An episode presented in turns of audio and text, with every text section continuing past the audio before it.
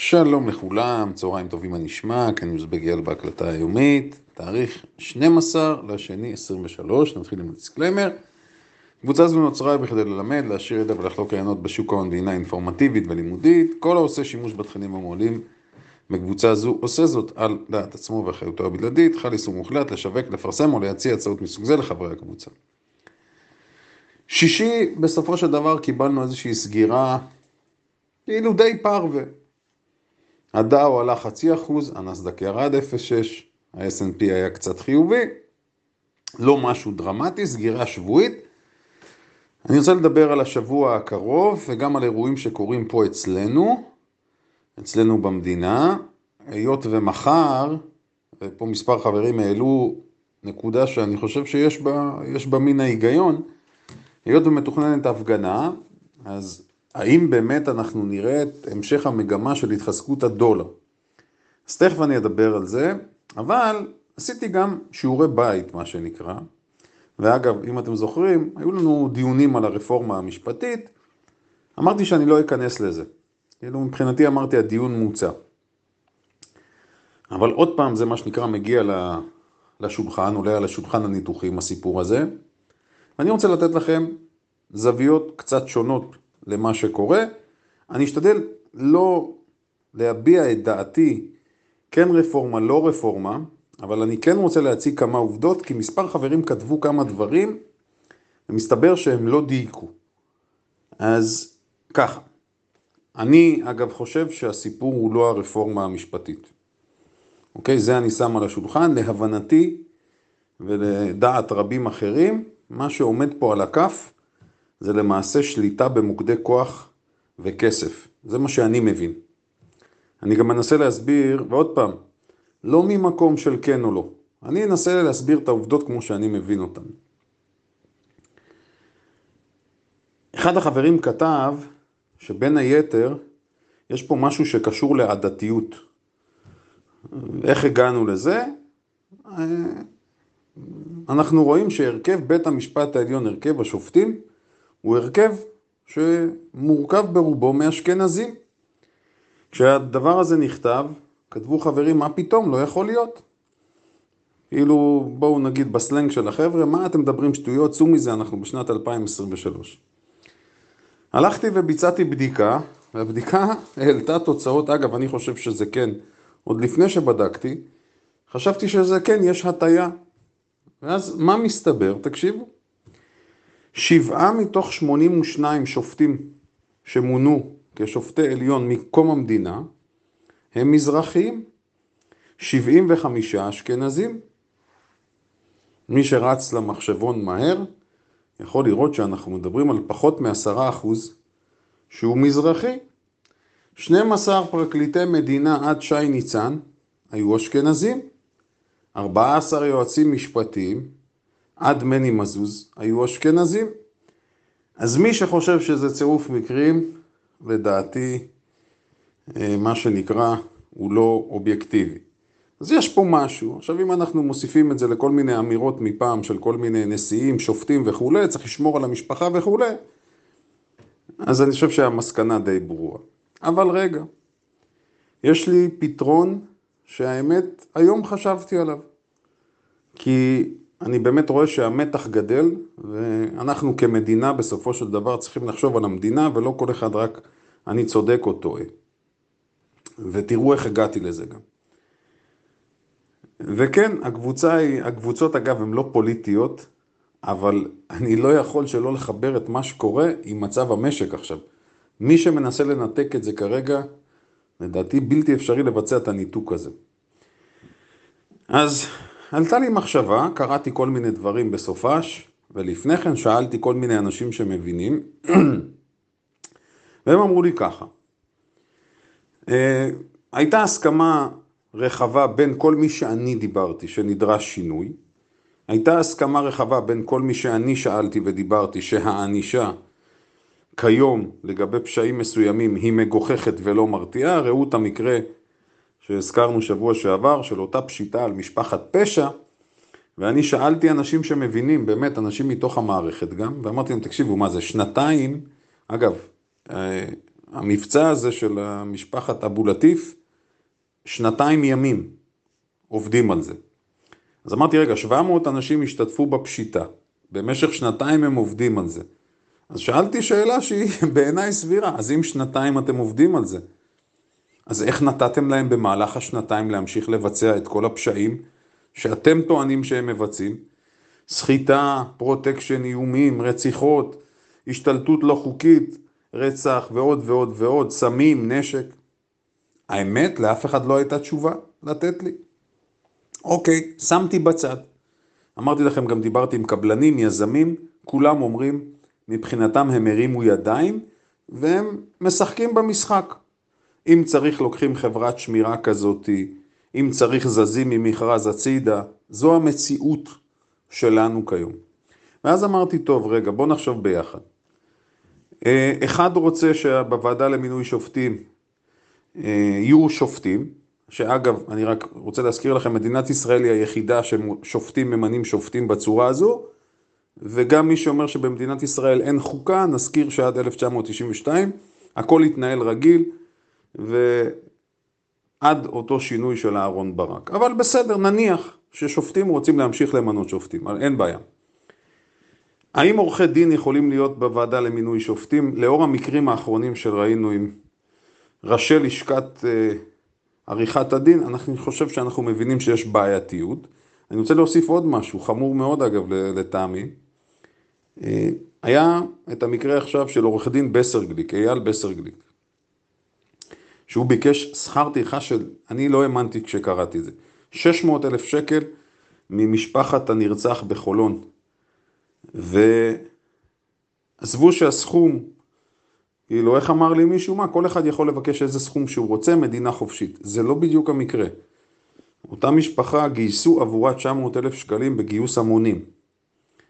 אני חושב שאם היו יודעים שהכסף הולך לאותו עורך דין, זה לא היה, כאילו, אף אחד לא היה מוכן לתרום, נראה לי. עוד נקודה מעניינת, בשביל מה צריך במקרה כזה, כשהמדינה היא זו שתובעת את הרוצח, בשביל מה צריך עורך דין? מה הוא הולך לעשות? אמיתי שניסיתי לברר, הבנתי שיש פרוצדורות מועטות. איך הבנתי את זה? הבנתי מעורך דין אחר שלקח את התיק אליו ואמר שהוא מטפל בזה פרו בונו לטובת הציבור. אז אמרתי, רגע, אותו בסר גליק, הוא בעצמו רצה לגשת או בעבר או שהוא רצה בעתיד להציג את עצמו כמועמד לראש הלשכה. אז אמרתי, אוקיי, אני לא רוצה אותם. ונניח שאנחנו גם לא רוצים את השופטים. אז בעיניי הפתרון הוא הכי פשוט בעולם. יקום הציבור ויבחר את השופטים. פשוט מאוד, במיוחד כשאנחנו יודעים ששרי אה, משפטים קודמים, החל מיעקב נאמן, פרופסור יעקב נאמן, דניאל פרידמן, ציפי לבני, חיים רמון ועוד ועוד, רצו לשנות. אז מה דעתכם? המנגנון הזה נראה לי אגב הכי הגיוני. הציבור יבחר את השופטים. אני שם בצד, זה הפתרון שלי לסיפור הזה, זה נראה לי הדרך, זו נראית לי, סליחה, הדרך ההגיונית. למה אני מעריך? כי אם חשבנו שלא תהיה פגיעה בבורסה ובמשק, פתאום הדברים נראים קצת אחרת. שער הדולר מתחזק עכשיו בצורה משמעותית, אני מזכיר לכם, שער הדולר ירד ל-337 לפני חודש, קצת פחות. עכשיו אנחנו רואים קפיצה, ואגב, ופה אני אומר לחברים, קחו בחשבון, יכול להיות שהקפיצה הזו תימשך כלפי מעלה. לקחת בחשבון, סיפרתי לכם שהשבוע אני רוצה לפתוח הגנות, כפי שהסברתי, שילוב של האופציות קול ופוט, אמרתי, בגדול במצבי, במצב שגרה, למכור קולים ולקנות פוטים בשביל לגדר זה בעיניי פתרון טוב, מי שיודע לגלגל ומי שמבין מה שאני אומר, מי שלא מבין שלא יעשה את זה כמובן. אבל כאן כרגע נראה שיש איזשהו לחץ חיצוני, זאת אומרת קרקע פורייה לספקולנטים גם, לגרום פה לתנודות חדות מאוד בשער. עכשיו, אין מה לעשות, אנחנו חיים בעולם שצריך גם לנצל הזדמנויות. לצערי, לא מסיבות כאלה, אבל אין ברירה. אם שער הדולר עומד לקפוץ עכשיו, תיתכן קפיצה חדה. זאת אומרת, תיתכן תנועה חדה למעלה או למטה, אבל תיתכן, אני נותן סיכוי גם, לאיזשהו ספייק כלפי מעלה. אז מה שאנחנו חושבים, תהיו מוכנים, מי שרוצה להמיר נגיד דולרים לשקלים, יכול להיות שכדאי לחכות אם תהיה קפיצת מחיר כלפי מעלה של הדולר. כדאי לכם להסתכל על זה, לחשוב על זה, על האפשרות הזו, כי קורה פה משהו שלא היה הרבה זמן. יש פה מה שנקרא חבית, אה, חבית בעירה, חבית בנזין שיכולה אה, לייצר בעירה משמעותית פה. אז המסחר כנראה יהיה אגרסיבי. אגב, גם היום בבורסה בתל אביב קרה משהו מעניין, היו ירידות משמעותיות יחסית. בסוף היום הירידות אמנם אה, התמתנו, אבל לדעתי גם, חד משמעית, יש פה משחקים של ספקולנטים ושחקנים גדולים מתוחכמים שמנצלים את זה. בדרך כלל בימי ראשון גם אה, המחזורים הם לא כאלה גבוהים. זה מוביל אותי, מה שאמרתי עד עכשיו, מוביל אותי ל... להתייחס לבורסה הישראלית, לא פעם חברים שאלו אותי על הבורסה הישראלית, ואני אמרתי, אין פה באמת בורסה, לא בקטע ציני, לא בקטע מזלזל, אלא מבחינה עובדתית. אז, אה, אה ועוד משהו קטן אני חייב לציין, הקבוצות רצות בערך שנתיים שלוש בפורמט הזה. במהלך הדרך אני יכול לספור על כף יד אחת אנשים שעזבו בגלל שהיו להם טענות נגיד לפוליטיקה או לכל מיני דברים מהסוג הזה. אז זה בעיניי, זו תעודת כבוד בעיניי, שאנשים מסוגלים לדבר ביניהם. האם אני לוקח בחשבון שיכול להיות שכמה אנשים ינטשו? כן, אני לוקח את זה בחשבון. וזה בסדר גמור בעיניי. אני אמנם בגישה שלי עושה הפרדה, אבל אני מבין שיכול להיות שיש כמה חברים שלא ימצא חן ביניהם לשמוע את הדברים הללו, וזה בסדר גמור. לא כועס על אף אחד, ההפך. אני בעד לשמוע, אמרתי, דעות של אחרים, כמו שאני בעצמי משתדל לעשות, כי לשמוע, אם אני אשמע את עצמי, לא מעניין כל כך. הלאה. אז הלכתי והסתכלתי על אה, כתבה שפורסמה בגלובס, ניתוח שמגיע מהבורסה, וגם אני אלמד אתכם כמה טריקים עכשיו. טריקים שאני לא יודע, אני חושב שרובכם לא מכיר. יכול להיות רק הסוחרים באמת שסוחרים בארץ, ויש פה גם כמה סוחרים מקצועיים, יש פה כמה סוחרי נוסטרו בקבוצות, יכול להיות שלא יכול להיות, הם כנראה מכירים את זה. מה שקורה זה ככה, שימו לב, רבע מהמסחר בבורסה בתל אביב זה במניות הבנקים. רבע מהמסחר. זאת אומרת, איך יכול להיות כשאנחנו מדברים על בורסה בריאה, אבל אוקיי, שימו רגע בצד. שני שלישים מהמסחר התרכז במניות מדד תל אביב 35, מדד תל אביב 35 זה מה שנקרא מדד המעוף, מה שהיה פעם תל אביב 25. מאות חברות נותרות כמעט ללא שכירות. לאומי ופועלים מן השכירות ביותר. וגם במניות הגז והנפט יש כמעט הכפלה של נפח המסחר. זאת אומרת, ופה אני מצטט לכם גורם בשוק ההון, תל אביב 90, יש לנו תל אביב 35, תל אביב 90 ו-125, שזה תל אביב 35, של 35 המניות הגדולות, ואחריהן ה-90 הבאות, סך הכל מדד 125. אז הוא אומר, תל אביב 90 הוא כיום מדד די מת, יש בו הרבה מניות צמיחה שנהנו בשנים האחרונות מריבית הנוחה שהייתה בשוק והן כבר לא מעניינות. בשורה תחתונה, חברים יקרים, לא באמת ניתן לסחור פה בצורה הוגנת. ומי שמחפש לסחור צריך ללכת ולסחור באותן מניות. אפרופו זה, תשימו לב, מי שמעניין אותו, מה קרה היום במניות הבנקים בתל אביב. אתם יכולים לראות איזה שינויים משמעותיים היו שם. ירידות, ואחרי זה הירידות התמתנו וכולי. אבל המסקנה היא ברורה, אין נפח מסחר שבכלל יכול לדגדג מסחר הוגן. כדי להבין עד כמה המצב פה הוא מוזר. נפח המסחר במניות הבנקים בשנה שעברה עמד על, בממוצע על 365 מיליון. רבע מהמסחר היומי. בואו נתרגם את זה רגע לדולרים, בואו נחליק. בערך 100 מיליון דולר. אני מעגל, בסדר? קצת יותר מ-100 מיליון. זאת אומרת, ביום נתון בישראל 400 מיליון דולר מחליפים ידיים פה בשווי כספי. זה אפילו לא משתווה למניה אחת ממוצעת, או לא ממוצעת, לנפח מסחר שאם אני משווה הברית, במניה בודדת יש יותר ממה שיש פה בכל הבורסה. האם ניתן לסחור ככה בצורה הוגנת? התשובה לא. לכן, כל מי שמתעסק במסחר בארץ, יודע שיש בארץ כמה שחקנים גדולים שהם אלה שקובעים את הכיוון. הם שולטים בשוק, למעשה אותם שחקנים קשורים גם למסחר באופציות המעוף, תתרחקו מהדבר הזה, זה אני גם אומר. ויש פה שליטה מובהקת שלהם בבחינת הזנב שמקשקש בכלב. אומרים על שוק האופציות שזה הזנב שמקשקש בכלב בגלל שסכומי הכסף שרצים שם הם גבוהים מאוד. אממה, בכל סיטואציה ישנה הזדמנות. אתם יודעים מה ההזדמנויות בישראל? אז ההזדמנויות בבורסה הן כאלה. היות ובמאות מניות המסחר הוא מאוד דליל, מי שכבר חושב אחד ועושה אחד ועוד אחד בראש, נכון? ניתן לשנות ולהשפיע על שערי מניות בקלות. ולכן, שחקנים גדולים, חברות נוסטו, קרנות נאמנות וכולי, אכן מבצעים מעת לעת פעולות מסחר בכדי להשפיע על שערים שיכולים, אותן פעולות יכולות להשפיע על ביצועי הקרנות שלהם. אני אסביר על מה כוונתי. נניח שאנחנו עכשיו החלטנו שאנחנו פותחים איזושהי קרן גידור או קרן נאמנות מסוימת, ואנחנו רוצים להציג תשואה גבוהה.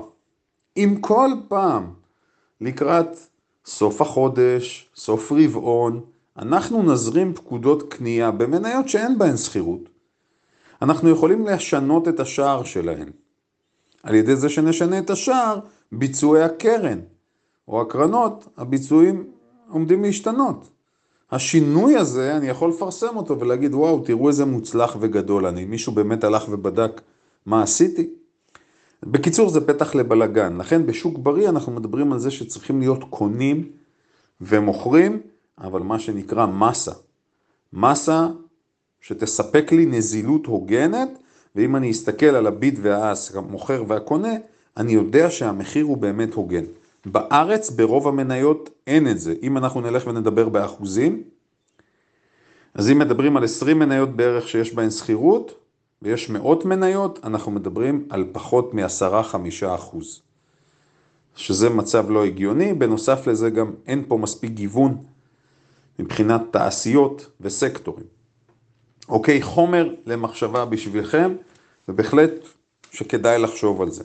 נכון, מי שמצליח לתזמן כניסה למניה כשהוא רואה שגוף גדול מתחיל לקנות, ואפשר לזהות את זה או על ידי רובוטים מה שנקרא, ורואים רפטטיביות, חזרה של עסקאות לפי שער מסוים, כמות מסוימת וכולי, אז יכול לרכב על זה. אבל במצבי קיצון, במשברים וכולי, אם גופים מסוימים חייבים למכור, אין מי שיקנה, ולכן יש פה לא פעם בעיות. מי שזוכר במשבר הסאב פריים זה היה מאוד בולט, שנת 2008-2009, היו פה נפילות קשות מאוד בגלל משבר נזילות. הלאה. אני רוצה שנדבר עכשיו על קרן המטבע. קרן המטבע אה, הבינלאומית, היא טוענת שהצמיחה בשנת 2023, לפי התחזית הנוכחית שלה, תהיה גבוהה ב-0.2 מהתחזית שלה לתחזית הצמיחה ב-2023 מחודש אוקטובר. בין היתר היא תולה את זה בכך שהחורף באירופה קל יותר ממה שחשבו, כלומר מחירי האנרגיה לא אמורים אה, להשתולל. אני לא יודע, אני כבר אמרתי לכם את דעתי. קשה לי מאוד לראות, עכשיו מדברים על, על כל העולם, קשה לי מאוד לראות חזרה לנורמליות, קשה לי מאוד לראות את אותה נחיתה רכה שפאוול דיבר עליה והפד מדבר עליה, קשה לי לראות את זה בתנאים הנוכחיים. אני לא מצליח להבין איך זה עומד לקרות, אני מודה, לא מבין. ולכן, בכפוף לכך שמתחילת השנה קיבלנו פתיחת שנה מאוד חזקה, כמה חזקה? ברמה כזו שנדמה לי שהאנליסט האופטימי ביותר לא צפה שמדד הנסדק יבצע מהלך כזה של כמעט 20 אחוז. אז אם אנחנו הולכים רק חודשיים אחורה, כששאלו את האנליסטים ובתי ההשקעות המובילים, אף אחד לא חשב שזה יקרה. אז יש פה בעיה, יש פה איזושהי אנומליה, ולכן אני חושב שהתנודתיות תימשך, ואני כן חושב שאנחנו ניכנס למיתון בארצות הברית. זה מה שאני חושב, אמרתי יותר מזה, אני חושב גם שתהיה דיפלציה. אוקיי? אה, סליחה, לא דיפלציה. אה, אני כבר... אני חושב שאנחנו ניכנס אה, למצב שהאינפלציה תישאר גבוהה, ואנחנו נראה גם האטה משמעותית, אז זו הערכה שלי. האם נתבדה? אני מקווה, אבל כל הסימנים, לפחות מה שאני מבין, מראים שזה מה שעומד לקרות, במיוחד כאשר, כאשר אנחנו רואים ששוק העבודה בארצות הברית והשכר לשעה לא יורד, אלא אפילו עולה. אז נראה לאן הסיפור הזה הולך. אה, רק נסביר עוד פעם, נזכיר, יש לנו אינפלציה שהמחירים עולים, יש לנו דיפלציה שהמחירים יורדים, אז כרגע לפחות להבנתי, אנחנו לא יכולים לראות את אותה ירידת מחירים שמצפים לה, אז נראה לאן זה הולך. ומה שאני חושב שכן יהיה זה סטאגפלציה. אוקיי? סטאגפלציה, האינפלציה תישאר גבוהה והצמיחה הכלכלית תאט, זה מה שאני חושב שיקרה בסופו של דבר. אז, אה, ואני אומר את זה כבר תקופה מאוד ארוכה, פשוט אני לא יכול לראות משהו אחר. שוב, בהבנה שלי עם הפיטורים המשמעותיים שאנחנו רואים מכל עבר. עוד נקודה חשובה שאני רוצה לדבר עליה, אני רוצה לדבר על נושא של מכפילי רווח. אחד הדברים, שבדרך כלל כשאנחנו בוחנים שווקים ומדד או מדדים מובילים, אנחנו מסתכלים על מכפילים היסטוריים. אז מה שאנחנו מדברים, המכפיל הנוכחי של מדד ה-S&P 500 הוא פי 17.9, מכפיל הרווח הממוצע. זה נמוך מהשיא שהיה של פי 24, המכפיל היה כבר פי 24 בסוף 2020, אבל זה גם גבוה מממוצע היסטורי בשנים האחרונות של 15.7. זאת אומרת, אם אנחנו מסתכלים על 20 השנים האחרונות, אנחנו בערך 10 אחוז מכפיל רווח יותר גבוה מהממוצע. לא דרמטי, לא משהו דרמטי. אז זאת אומרת, מבחינת מכפילי רווח, אנחנו נמצאים במקום שהוא סביר להבנתנו לפחות, אוקיי? אבל היות והתנאים הם לא פשוטים מהכיוון של האינפלציה, אמרתי, אז אותה אינפלציה עם הרצון של הפד לקרר את שוק העבודה ובינתיים הוא לא מצליח, לכן לדעתנו הריבית תישאר גבוהה, או אפילו תעלה יותר ממה שהשוק מעריך. אני מקווה שזה ברור עכשיו. עוד דבר מעניין שקרה ביום שישי והוא מעבר לתופעה יומית או שבועית, זה הנושא של סקטור האנרגיה. אני מסתכל על מפת המניות של Finviz, ושוב קיבלנו את XLE, סקטור האנרגיה, עולה כאשר Exxon Mobil, XOM עולה 4%, Chevron, COP, בקיצור הסקטור של האנרגיה ממשיך להיות חזק. עכשיו, ודיברנו על זה, יש פה סוג של כלים שלובים, כי כסף עובר. מצד לצד. אגב, קרן הסל XLE עלתה 4%. היא עדיין לא בשיא שלה, אבל היא רק, היא כרגע 90.4 והיא הייתה 94 דולר. זאת אומרת, אנחנו מדברים על 4% בערך מהשיא שלה. עכשיו, כלים שלובים יש פה בין שני דברים. כלים שלובים, נזכיר רק, אנחנו מדברים על זה בפיזיקה, כשיש לי שני מכלים, מכלי מים נגיד, או נוזל כלשהו, אבל לצורך העניין מים, ויש ביניהם קו מחבר, צינור מחבר, אז אם אני, בהנחה ששניהם עומדים כרגע על מישור, על אותו מישור, אז אם אני אמלא מים באחד, הם יעברו למכל השני וההפך. אז שני דברים קורים. פעם אחת, כלים שלובים יש בין מדד הנסדק לדעתי והדאו ג'ונס וה-S&P, אבל אם אני מסתכל על הקיצון, אז בין הנסדק לדאו. כי כשכסף יוצא ממניות הטכנולוגיה, כנראה שהוא הולך בין היתר למגזר של האנרגיה. ופעם שנייה, יש גם חוק כלים שלובים בין מניות האנרגיה המסורתיות, קרי גז ונפט מסורתיים, לעומת מניות הסולר. אז תשימו לב, התחזקות של מניות האנרגיה המסורתיות, ושוב אנחנו רואים את התנודתיות הגבוהה, ראינו את SolarAge, ראינו את NFAs, SolarAge אגב תדווח מחר, אז התנודות האלה הן חזקות מאוד, וקשה לי לראות מצב שגם הסקטור הזה וגם הסקטור הזה ינועו לאותו כיוון.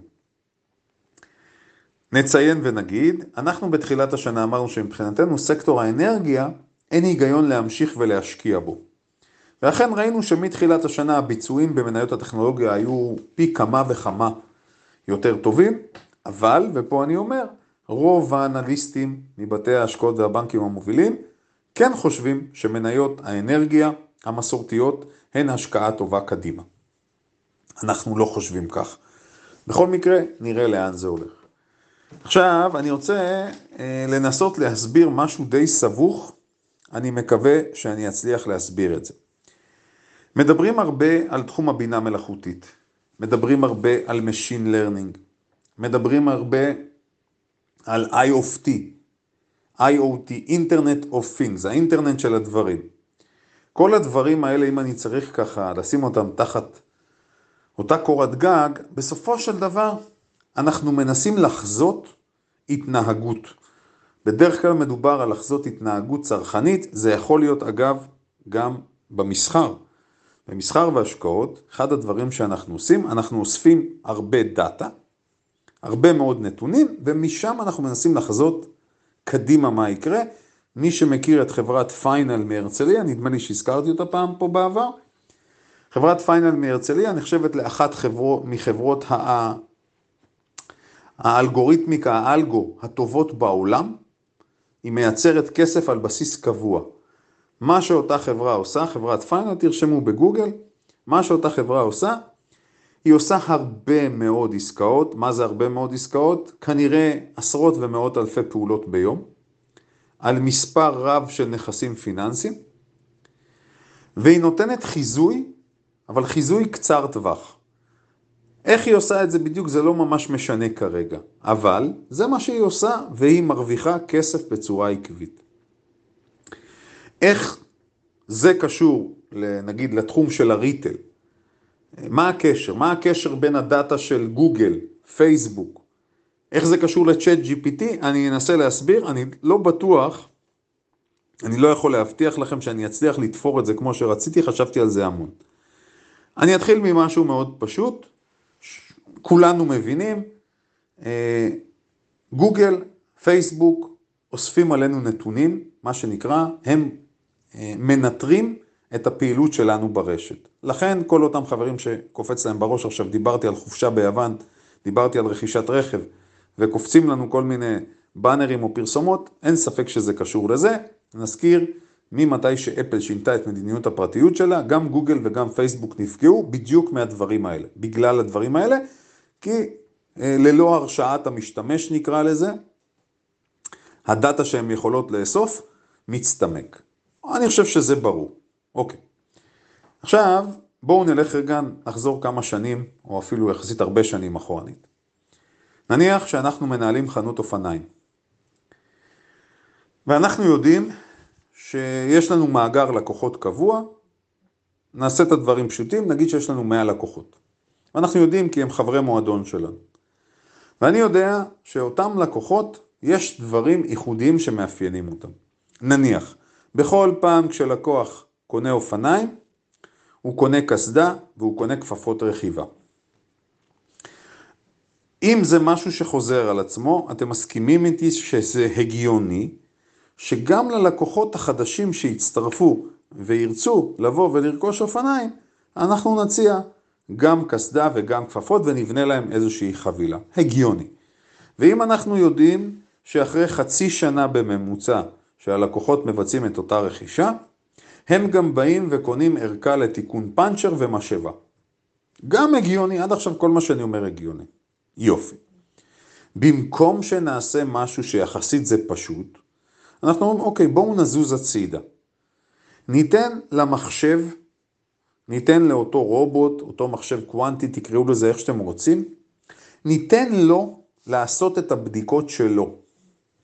והוא ידע להגיד לנו מה הדרך הנכונה, אחד, איזה מוצרים להציע לאותם לקוחות, וכל כמה זמן לעשות את זה.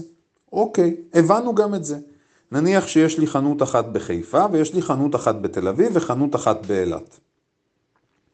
האם אני יכול להפעיל את אותה מערכת, כלומר, את אותו היגיון? לא. למה? כי כנראה באילת תנאי מזג האוויר הם שונים, יכול להיות שהיכולות הסוציו-אקונומיות שונות שם, אגב זה נכון, באילת משתכרים פחות, אז אני צריך כבר לא אותו היגיון, אלא אלגוריתם אחר.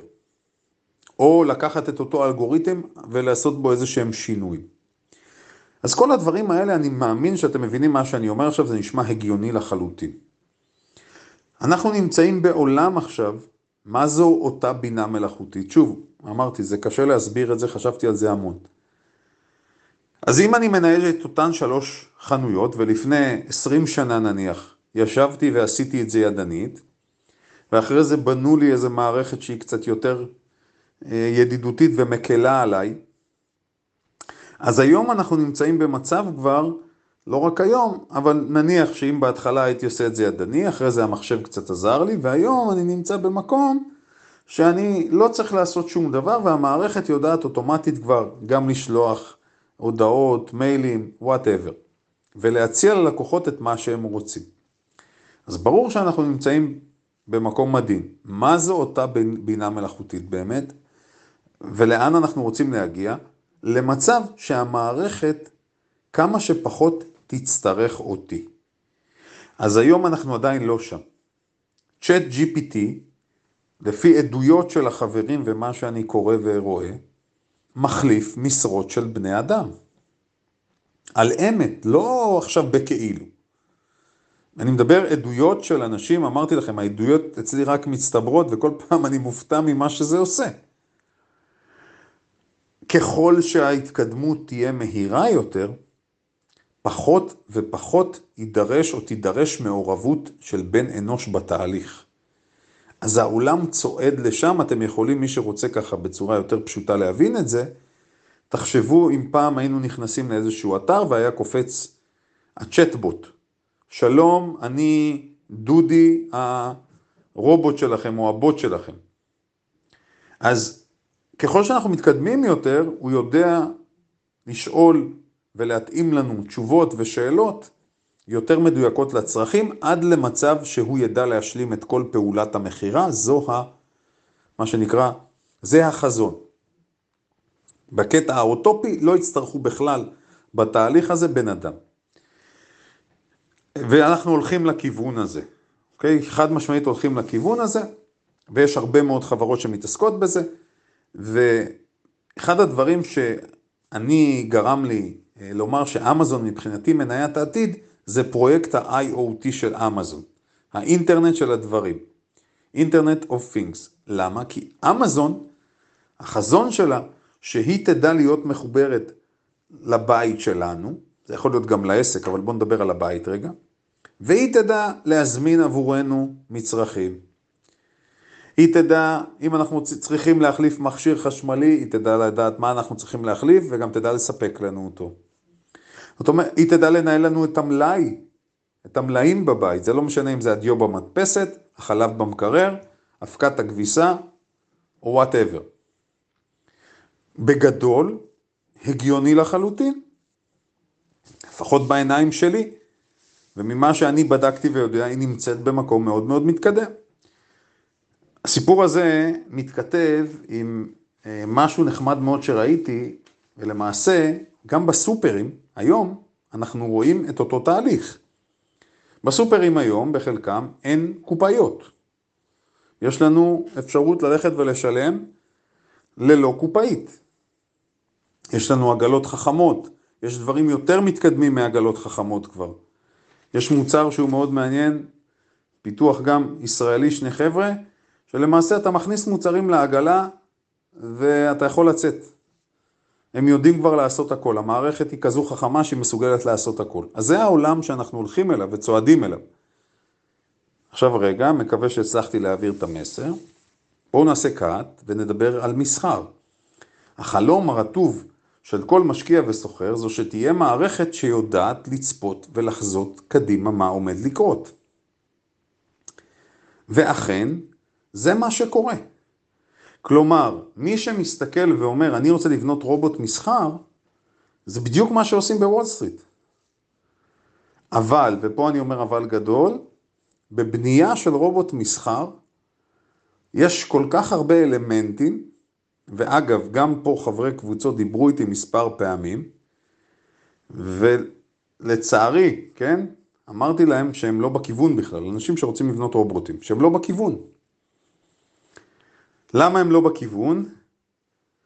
כי כשאתה ניגש למסחר, ופה אני אסביר את זה בצורה הכי פשוטה, כשאתה ניגש למסחר ומסתכל על פרמטרים מסוימים, ואתה חושב שהם אלה שגורמים לכדאיות או להצלחה או לאי הצלחה של עסקה, מבלי להבין מה קורה מאחורי הקלעים אצל השחקנים המתוחכמים באמת ובמחשבים שלהם, אין לך סיכוי.